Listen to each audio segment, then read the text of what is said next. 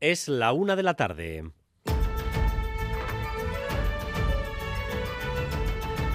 Crónica de Euskadi con Dani Álvarez. Arrachaldeón, si ayer el Parlamento Vasco estuvo rodeado de abrazos, besos y concordia, hoy ha vuelto a ser lo que es un parlamento, el lugar donde se da el debate, el contraste o la discusión. Y a pesar de que las últimas leyes de la legislatura han salido adelante con el voto de Euskal Herria Bildu, hoy el principal partido de la oposición ha recuperado el tono habitual con el Lendakari. Y Urcuyu, aunque esté en la recta final, no ha rehuido el choque, con varios reproches a Bildu. El Partido Nacionalista Vasco y el Partido Socialista de Euskadi han bloqueado en este Parlamento numerosas iniciativas. Cada iniciativa que ha pretendido ser un avance en el terreno de la transparencia, de la objetividad y la detección e investigación de las malas prácticas. La siguiente legislatura tiene que ser clave para establecer otro tipo de relación con el, con el Estado. Ustedes defienden que gobierne la lista más votada y presentan de cabeza de lista por Vizcaya a quien fue alcaldesa de Durango sin haber ganado las elecciones. Deciden quién pasa el filtro y quién no, como antes apoyaban una estrategia de violencia que dictaba quién sobraba y quién no. Ochandiano ha definido el proyecto de Euskal Herria Bildu en euskera como independentista. En castellano, no. ¿Con cuál nos quedamos?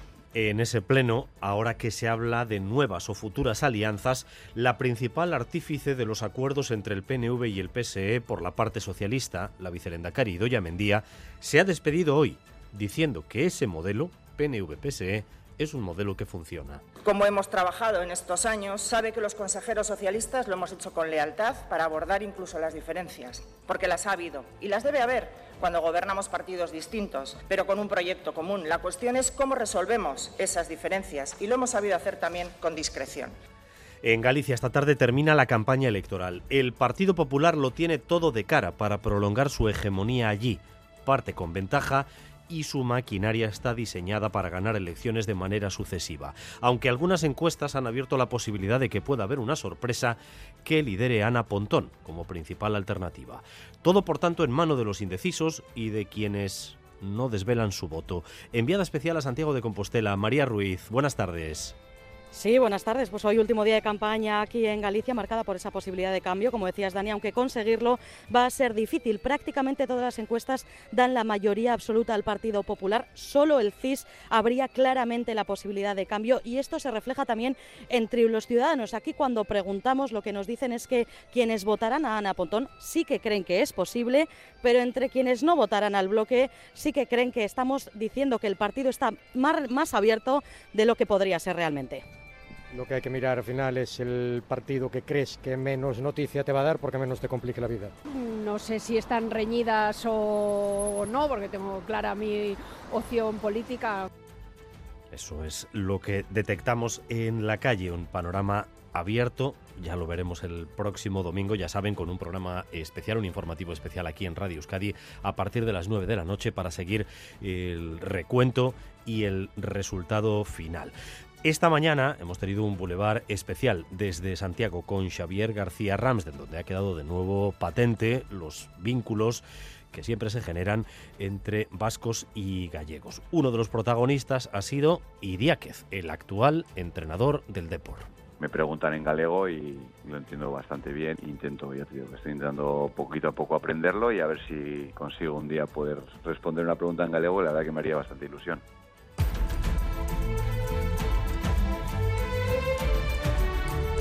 Y atención a la noticia que nos ha llegado hace tan solo unos minutos, una noticia eh, que nos llega desde Rusia y que vuelve a dejar a las claras lo que es la Rusia de Putin. Parece que ha aparecido muerto el mayor opositor a Putin, Navalny que estaba en la cárcel. Óscar Pérez. La muerte de Navalny se ha conocido porque el Servicio de la Penitenciaría Federal ha publicado una declaración en su web en la que asegura que el preso se ha sentido mal después de dar un paseo este viernes y casi de forma inmediata ha perdido la conciencia. Según este comunicado, el equipo médico ha sido llamado de forma inmediata pero no ha podido hacer nada por salvar su vida. Ahora mismo se investigan las razones de la muerte que se produce a justo un mes de las elecciones presidenciales en Rusia. Alexei Navalny había pedido el voto para cualquier candidatura distinta a Putin era el opositor más conocido. Tenía 47 años y cumplía una condena de 19 años de cárcel por extremismo.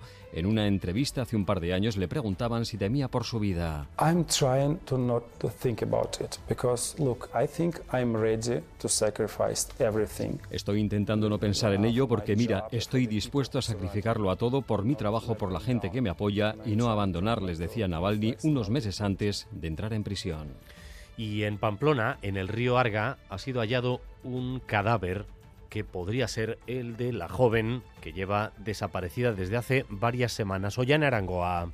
Una persona que estaba paseando por la orilla del río Arga ha visto el cuerpo semisumergido en un remolino en el agua y ha avisado a la Policía Municipal de Barañain. Hasta el lugar, en el polígono del Andaven, se han desplazado agentes de la Policía Foral y de la Policía Nacional y también bomberos del Grupo de Rescate Acuático que hace unos minutos han podido recuperar ese cadáver. A falta de confirmación, la hipótesis que maneja la Policía Nacional es que se trataría de Gabriel Gabriela Reyes la mujer de 35 años de origen dominicano del barrio Pamplones de San Jorge, que desapareció el pasado 7 de diciembre.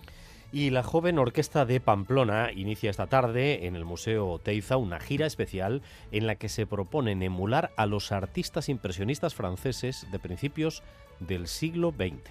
Lo explica Mirari Echeverría, que es la directora de la joven orquesta de Pamplona los artistas de la época siempre estaban colaborando con artistas de diferentes disciplinas artísticas y nosotros queremos también desde una orquesta joven y compañías jóvenes de danza tener esta sensación de hacer algo también juntos.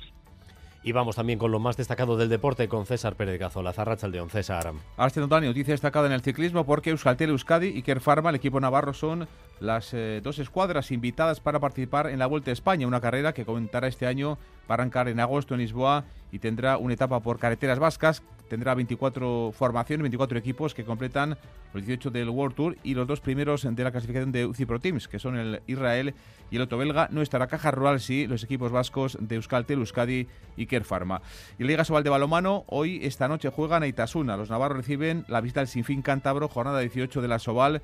El rival es penúltimo en la tabla, el horario poco habitual. En el pabellón Pamplónica, 9 y media la noche, Ana Itasuna sin fin. Y en el tráfico también una noticia destacada porque hay problemas serios ahora mismo en la A8 a la altura de Musquis. A8 Musquis, sentido Bilbao. Un camión y un coche han sufrido un accidente y hay un carril cortado. Se han originado ya retenciones, según el Departamento de Seguridad, eh, unos dos kilómetros de retenciones que pueden ser más porque el accidente es bastante reciente. A8 Musquis, sentido Bilbao, accidente entre un camión y un coche.